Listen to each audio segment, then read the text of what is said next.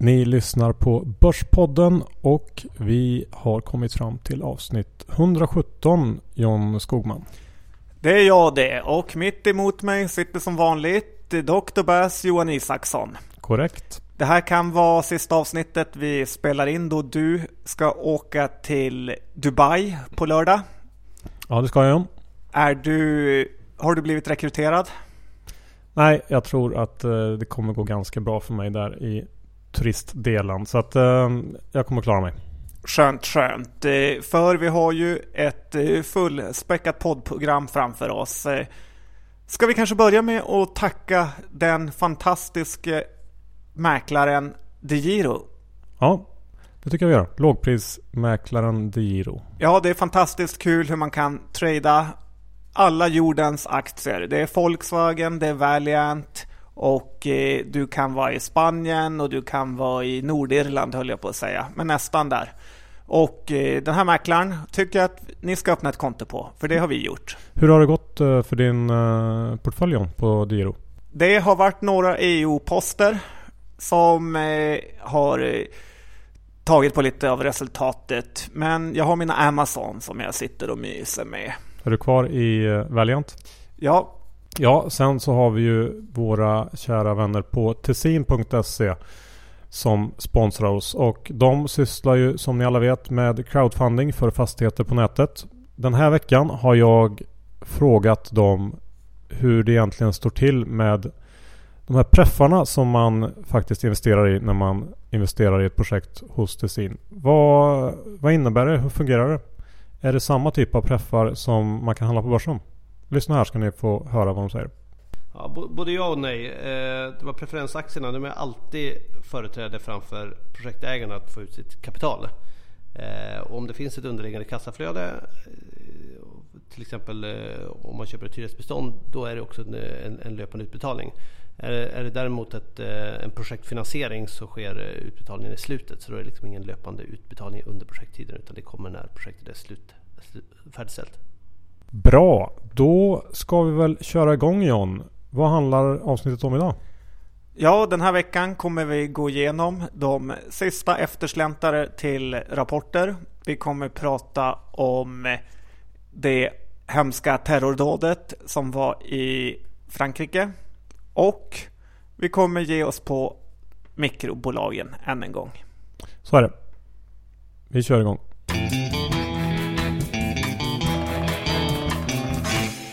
Johan Isaksson, index är 15-10 ungefär. Det var det förra veckan med. Men man kan tro att eh, det inte har hänt så mycket om man bara tittar på siffrorna. Men hänt grejer har det verkligen gjort. Vi studsar ner massor och nu har vi studsat tillbaka. Hur kan du guida oss genom det här läget? Ja John, vi eh, var ju med om en fruktansvärd händelse här i förra veckan.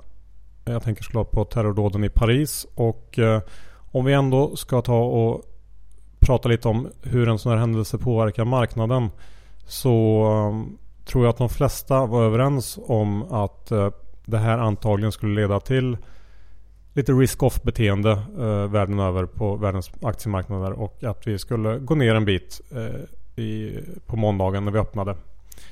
Tittar man på hur det har sett ut historiskt vid liknande events så brukar börsen tappa en del för att sen inom eh, några veckor, någon månad kanske hämta tillbaks det här. Du tänker på London, Madrid. Ja, precis. Och sen är det ju också så att på marginalen är ju en sån här händelse negativ för ekonomin och aktiviteten i ekonomin.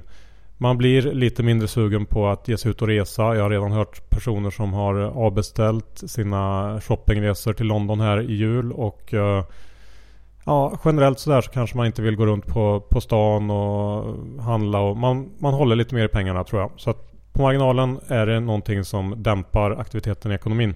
Man kan ju också tänka sig att vi får se lite ökad protektionism i spåren av det här. Och ja, enda som man kan väl se som vinnare är, eh, kan man väl tänka sig sådana här försvarsrelaterade bolag som borde få mer fart på affärerna.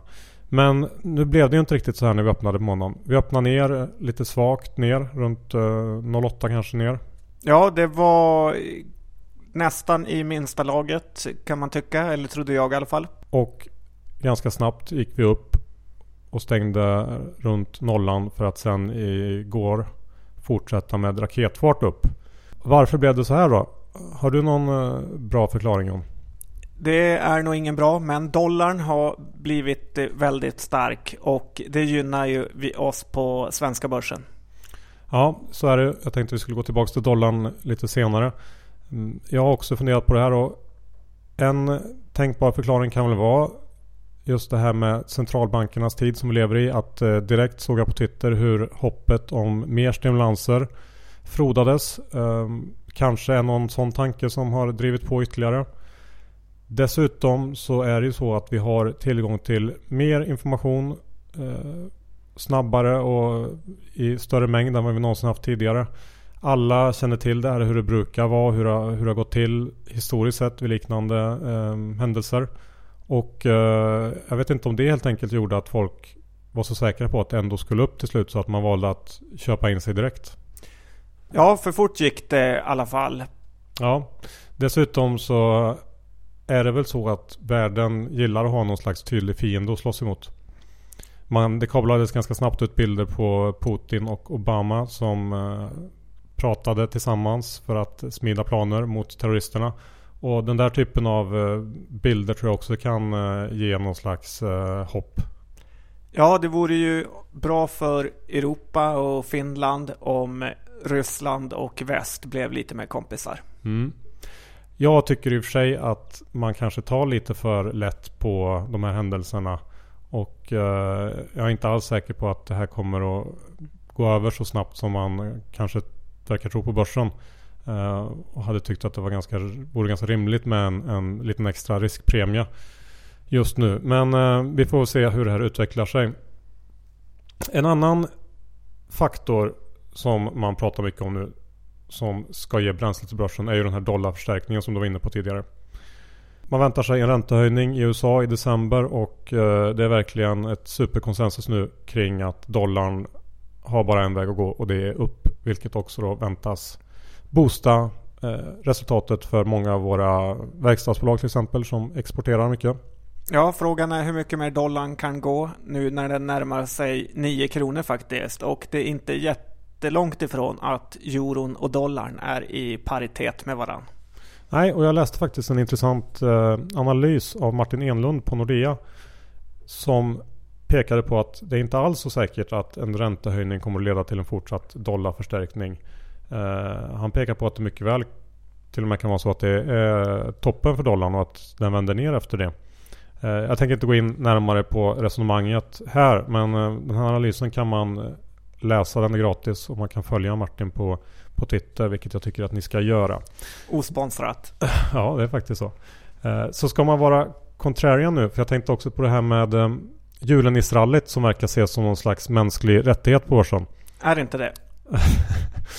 Ja, alla verkar ju i alla fall helt övertygade om att uh, det bara är så. Man får ju den här julklappen varje år.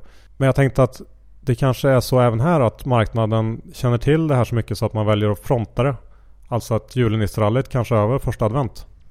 Ja, det är ju lite annorlunda för det är då det nästan ska starta i vanliga fall. Ja, så att om man kör någon slags contrarian take på hela det här så innebär det att julenisserallyt tar slut i första advent.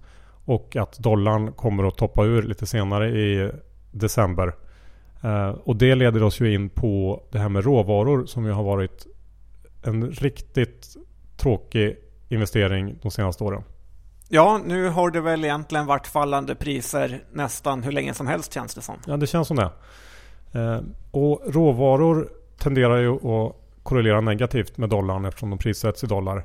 Eh, och tror man då att det kanske kan vara så att dollarn eh, ja, når sin topp här i samband med den första räntehöjningen. Då skulle det kunna vara intressant att skaffa sig lite råvaruexponering. Spännande, spännande. Jag har till exempel tittat på kolindustrin i USA. John. Ja, vi vet ju att den kära Einhorn har kört bort, bort sig fullständigt i kolaktier. Och eh, de har väl i grupp slaktats eh, rejält. Ja, det har ju varit hemskt att ligga i kol det ses väl som eh, mer eller mindre någonting som ja, kommer att sluta användas inom kort skulle jag tro. Men eh, tittar man på kolindustrin så har den, den har tappat fem år i rad nu. Och det är väldigt, väldigt ovanligt. Den enda gång en sektor i USA tror jag tappat mer än så. Det är sex år och det är också kolindustrin 1933. Eh, snittavkastningen efter att en sektor har gått ner i fem år är faktiskt 41%. Så att det finns en del som talar för att det ändå kan vara värt att chansa där. Härligt med Dr. Bass håsad på kol. ja. Det finns ju två bolag som är lite roliga att titta på. Som jag blev introducerad av Kramer på för länge sedan. Och det är ju Peabody som har kortnamnet eh, BTU och Chesapeake som är en annan stor aktör. Båda handlas kring sina 52 week low och kanske 200 week low om vi hör på dina fem års eh, lägsta. Ja, man ska inte räkna ut dem helt än i alla fall tror jag. Nu tänkte jag vi ska fortsätta med lite USA-relaterat John. Var tar pengarna vägen i USA? Konsumenten i USA har fått en rejäl subvention genom lägre oljepris. Man har en arbets arbetslöshet som är lägre än på väldigt länge. Och ändå så tar retailbolagen nya lows på löpande band. Ja, förra veckan såg vi att eh, det kom in en hel del rapporter från de här så kallade retailerna och det var Nordstrom som heter JWN på den amerikanska tickern och eh, det är någon typ av NK Light, lite eh, finare kedja. Och de har varuhus överallt i hela USA och det här var en rapport som var riktigt dålig. Aktien gick ner 16 procent. Macy's som är USAs allra största retailer kom med en också väldigt dålig rapport och gick ner ännu mer på börsen. Och så har vi ju sorgebarnet JC Penny som aldrig lyckas leverera. Vad de än gör så går aktiekursen ner. Ja, och det här var ju de stora aktörerna. Jag har även sett bland de lite mindre som Urban Outfitters eller eh, Lululemon eller Dillards att där ser vi också 52 week lows i princip. Inom retail finns det dock en stor aktör som inte ser någon 52 week low utan snarare tvärtom och det är ju Amazon. Ja, Amazon har ju lyckats eh, något kolossalt men de kanske ändå får ta lite för mycket cred för att de själv skulle krossa hela retailindustrin på bara något eh, kvartal. Ja, jag såg en uppgift någonstans om att det fortfarande är så att 92% av all handel i retail i USA sker i fysiska butiker. Eh, om den siffran stämmer så känns det som att det är något mer än bara näthandeln och Amazons framfart som har gjort att det går så pass knackigt som det gör för de här bolagen i det shoppinggalna USA. Eh, jag vet inte, det är någon typ av makroproblem. Ehm, och samtidigt så kanske det här också pekar på att det kan finnas några fynd att hitta. Jag läste att um, Amazon nu ska öppna upp sina första fysiska butiker och um, ja. De har lärt sig av NetOnNet. Ja, jag skulle tro att de varit här och tittat på dem. Gör dem lite fräschare tack. ja, så att eh, vem vet. Man kanske kan ge sig ut och bottenfiska bland amerikansk retail. Har man tur så kanske köp, Amazon köper upp dem. John, vi har en ny call på Stockholmsbörsen. Ja, vi har den nya kolen som den heter på Twitter och det här är en av de konstigaste förändringarna som någonsin har gjorts. Jag tycker förändringen är helt obegriplig. Jag blir nästan så att jag blir förbannad eh, bara jag tänker på den. Det är såklart algofirmerna som har beställt den här förändringen för att göra det svårare för småsparare och riktiga människor. Förändringen då, för er som inte vet, innebär att ingenting annat än själva jämviktspriset syns. Så man kan inte se om det finns aktier på en högre nivå eller en lägre nivå eller volymen.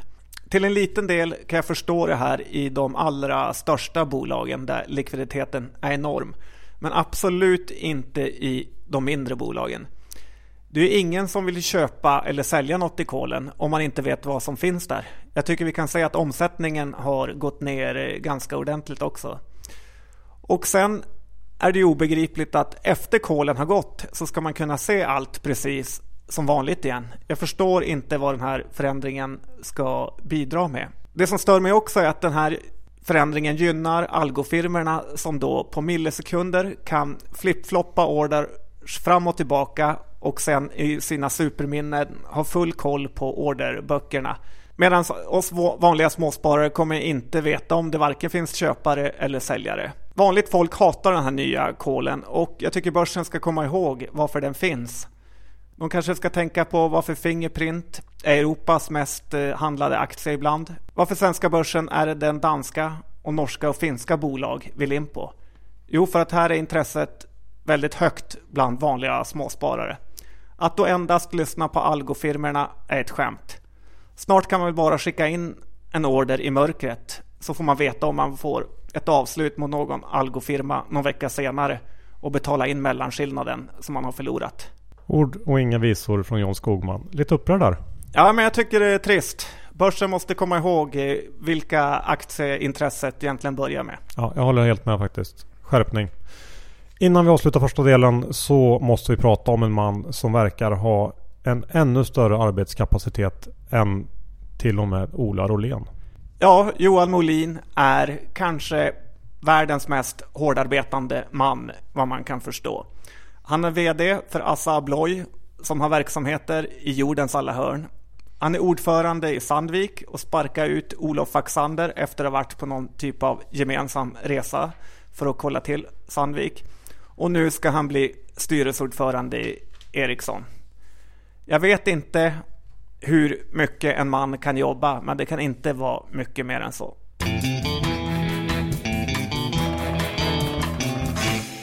Okej John, vi ger oss raskt in på bolagsspecifika nyheter och sådant. Ska vi börja med eh, den stora händelsen bland storbolagen förra veckan.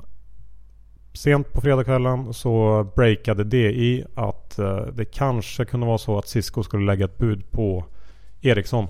Ja, det har ju fått lite storhetsvansinne sista tiden med budspekulationer hit och dit. Och eh, den här verkar det som i alla fall att de har fått bakom bakfoten.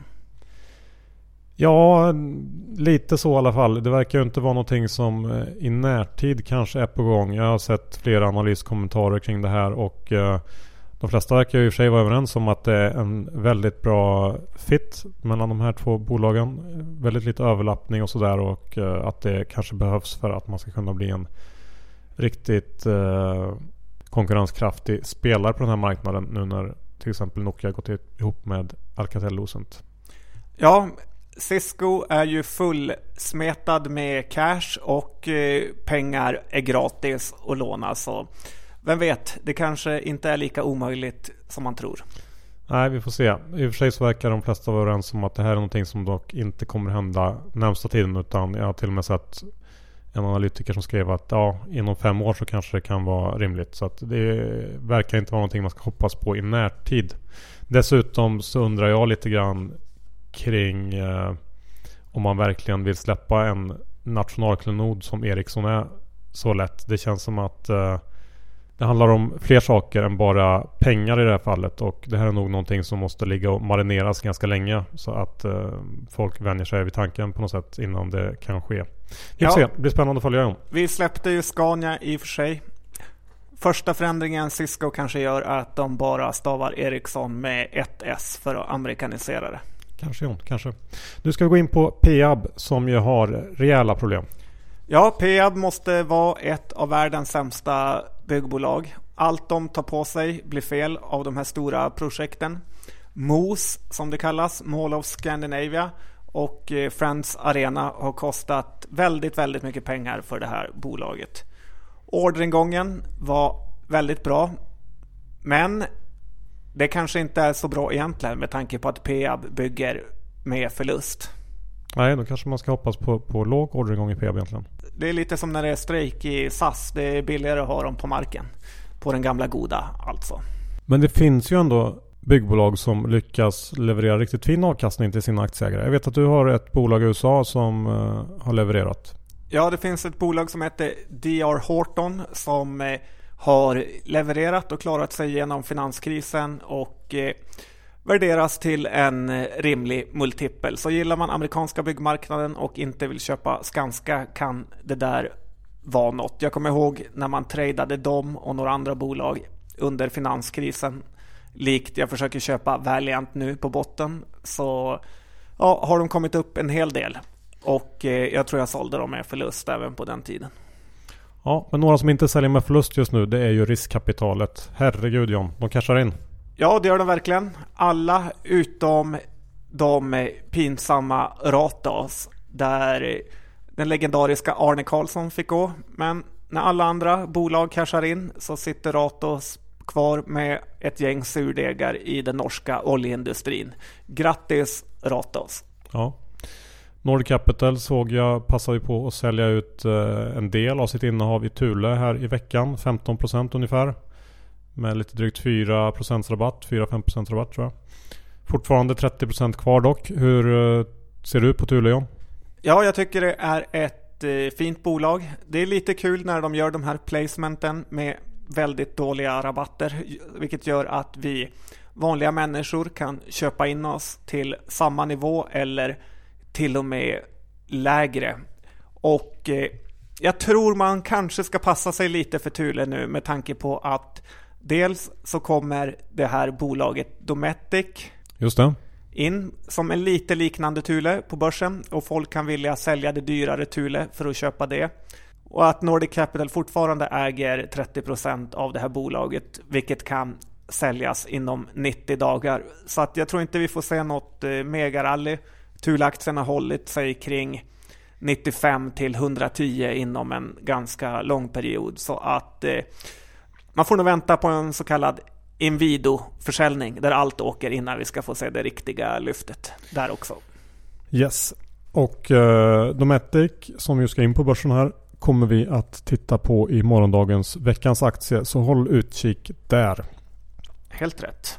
Jag tänkte vi ska säga några ord om Meda John som ju har haft det riktigt tufft. Aktien har gått från 150 kronor i våras ner till 100 kronor ungefär just nu. Och eh, tidigare i veckan så var Nordea ute med en bäsad analys.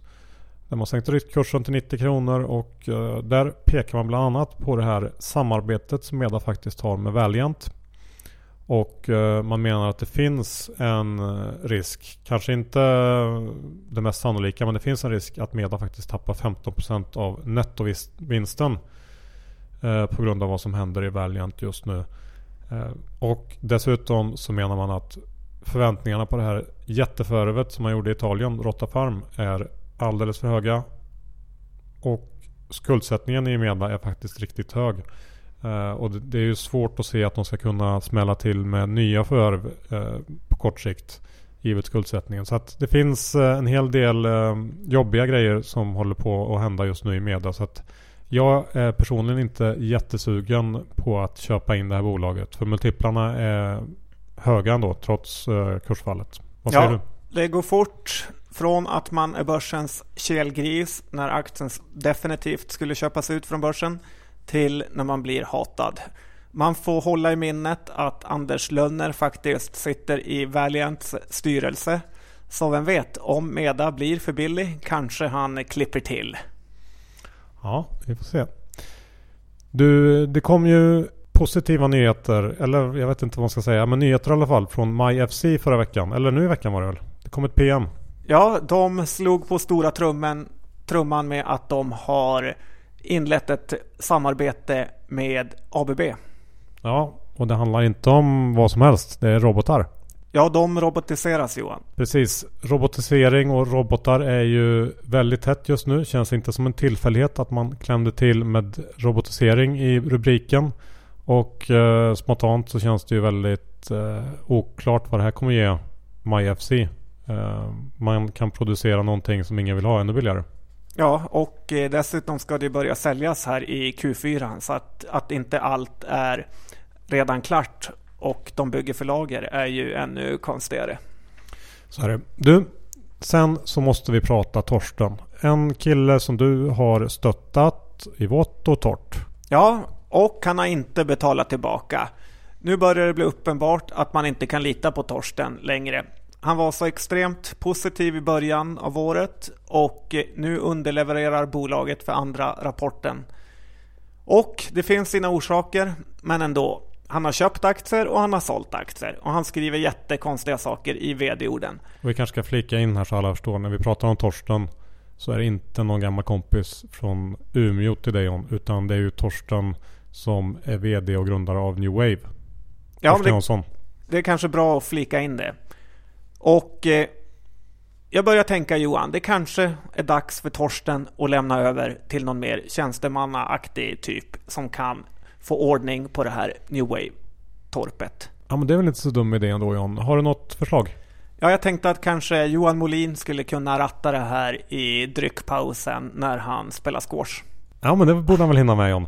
Och då kanske han behöver en sån här digital penna från Anoto för att signa grejer. Ja, man behöver alla, Digitalt alltså. alla hjälpmedel man kan få i dagens eh, värld. Jag var ju på Björklöven, AIK, i den supermoderna arenan Hovet och som vanligt fick Löven stryk. Och det var där och då jag förstod hur det var att vara Anoto-aktieägare Johan. Man ger och ger och ger, men man får aldrig något tillbaka. Det enda som händer är att det kostar massa pengar och att det är känslomässig smärta, men man kan ändå aldrig sluta hoppas. Låter lite jobbigt. Ja, men sen kommer november och det blir en ny nyemission. Ja. Du, eh, det här bussbolaget som du har varit ganska kritisk till. Nobina kom med nyheter som på ytan såg ut att vara riktigt positiva John, här igår. 8 miljarder i något avtal. Jag tror det var 4 miljarder Okej, fyra. Och eh, det var ju något eh, såklart som aktien gick upp på eh, väldigt mycket till en början. När man sen läste lite mer i det finstilta så såg man att det här egentligen bara var en förnyelse av eh, det gamla avtalet. Man måste komma ihåg hur viktigt det är att ha en diversifierad portfölj. För om det här skulle visa sig inte blivit förnyat så hade det snarare varit en katastrof för Nobina där de hade förlorat hela den här försäljningen. Och sen slår det mig också hur det är mycket man inte vet om aktier eller bolag man äger, även om man är ganska insatt. För jag undrar hur många som egentligen visste att det här jätteavtalet var på väg att eh, förhandlas om. Nej, det är en bra poäng där faktiskt John. Att eh, allt är kanske inte riktigt vad det verkar vara vid en första blick. Ehm, och det kanske är någonting som Avanzas Corp också borde fundera på John. Ja, rapporten har tickat in för Avanza Corpens finaste bolag som de valde att ta till börsen. Eh, vi har VA Automotive som de tog in under året som har varit ett eh, katastrofköp och rapporten var såklart riktigt, riktigt dålig. Det här är ett skräpbolag som förmodligen får göra nyemission eller går i konken. Mm. Och sen har vi väl North eh, Chemical också. Ja, ett annat av deras skräpbolag som de eh, tyckte var fina nog att komma in till börsen. Där är dessutom VDn avsatt och eh, polisanmäld för att han har sålt fastigheter till sig själv, verkar det som. Eh, också ett bolag man helt ska ta avstånd från. Och vad mer? Hansa. Men det var väl ändå en okej rapport eller? Ja, det var väl det bästa av de här tre härkorna som vi har refererat till. Eh, rapporten var helt okej, men där är det ändå bättre att köpa Note som vi sa i förra avsnittet. Yes. Eh, vet du förresten om det är någonting eh, nytt gottigt på väg från Avanzas Corp? Nej, jag har inte hört något, men nästa gång de sätter något på börsen så hoppas jag att det heter något med blanka före.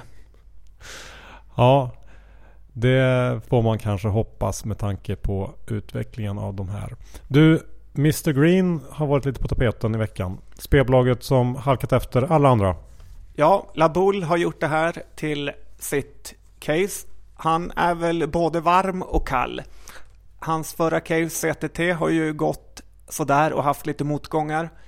Medan Cherry har gått väldigt bra. Så kanske han är bättre på spelbolag. Däremot har jag själv svårt att se tjusningen i Mr Green. Och eh, bolaget har inte en bra balansräkning. Det är väldigt mycket säljare i den här aktien som det verkar aldrig ta slut. Och även insiderförsäljningar. Jag avstår faktiskt. Ja, jag håller med. Jag avstår också. Och uh, som jag ser det så är det inte riktigt i de här mindre oper- operatörerna som man ska leta om man gillar spelbolag. Jag tycker att om man tittar på de multiplar som Betsson och Unibet förvärvar till så är det här hoppet om uppköp av Mr Green inte så mycket att hänga i julgran för att de betalar inte mycket för de här bolagen de köper upp. Så att, eh, nej, jag håller med. Jag, jag, tror att man ska avvakta det faktiskt. Men nu när vi ändå är inne och pratar spelbolag John. Du är ju en gammal storspelare av rang. Spelade du någonting igår på Sverigematchen? Ja, det gjorde jag. På grund av min svenska loser-mentalitet så var jag tvungen att sätta tusen spänn på Danmark bara för att smärtan inte skulle bli så hård om vi förlorade. Jag var såklart jätteglad att den tusingen försvann. Men det som slår mig med Johan är att eh, när man tänker på att spela så tänker man inte på Svenska Spel som man alltid gjorde förr i tiden. Utan de första alternativen som dyker upp i ens huvud är Unibet eller Bet365. Så de bolagen har gjort ett fantastiskt jobb med att hjärntvätta den svenska befolkningen. Man får även säga att Svenska Spel har gjort ett fantastiskt jobb med att förstöra bolagsvärde. Ja, tyvärr kanske det är så. Jag gillar förresten eh, ditt sätt att hedga dina känslor på något sätt där. Vad imponerande. Ska jag tänka på. Ska vi sist av allt John ta och gå igenom några av de små bolag eller mikrobolag som är på väg in till börsen. För att jag tror de flesta har sett hur IPO-håsen har tagit fart igen med eh, buller och bång. Allt som kommer in nu sista tiden har rusat. Och eh, jag gissar att många är sugna på att teckna småbolag nu. Ja, det är nyemissionsmania igen. Det har varit dött en period, men nu är det full fart igen. Men som jag sa förra veckan Johan, så måste man vara en idiot om man köper till exempel Miniesto på 12, 13, 14 kronor när den noterades nyligen knappt fulltecknad kring 6 kronor. Nu är det många bolag det håsas kring igen. iMint sägs ska bli det nya Fingerprint med deras nya standard inom videostabilisatorer. Och eh, som jag brukar säga Johan, teckna och sälj är alltid en idé, men var inte personen som blir lurad och köpa när det har dubblats. Mer? Tolerantia och Inuminova, jag hoppas jag säger rätt, är också nya bolag som det snackas om som ska det bli det nya heta. Alla vill bli det nya Hamlet. Det man måste förstå är att Hamlet blir precis så bra för att ingen tror det. Nu är det nya grejer där alla tecknar till förbannelse för att sedan hoppas på att kunna sälja till någon dummare. För det första måste man komma ihåg att det finns en viss fulbusinessverksamhet i det här. Då investerare, som typ du och jag Johan, blir erbjudna att köpa aktier i de här bolagen till en 20-procentig rabatt ett halvår innan nyemission. Sen får man möjlighet att garanterat få aktier i introt på börsen. Sen går chattar och Twitter igång om hur bra det är. Som jag sagt, teckna och sälj. Men var inte idioten som går på trixen och köper när bolaget har gått upp massor. För det är du som kommer att sitta med Svarte Petter. De flesta av de här bolagen är förhoppningsbolag som kommer bli nya Anoto med 20-30 nyemissioner i bagaget. Och nu tror ni kanske att jag är bitter som pratar om det här för att jag inte är med. Men det sjuka är att det är precis tvärtom. Att jag är med i det mesta och jag kommer gladeligen att sälja till de som tror att varje ny emission är ett nytt Fingerprint.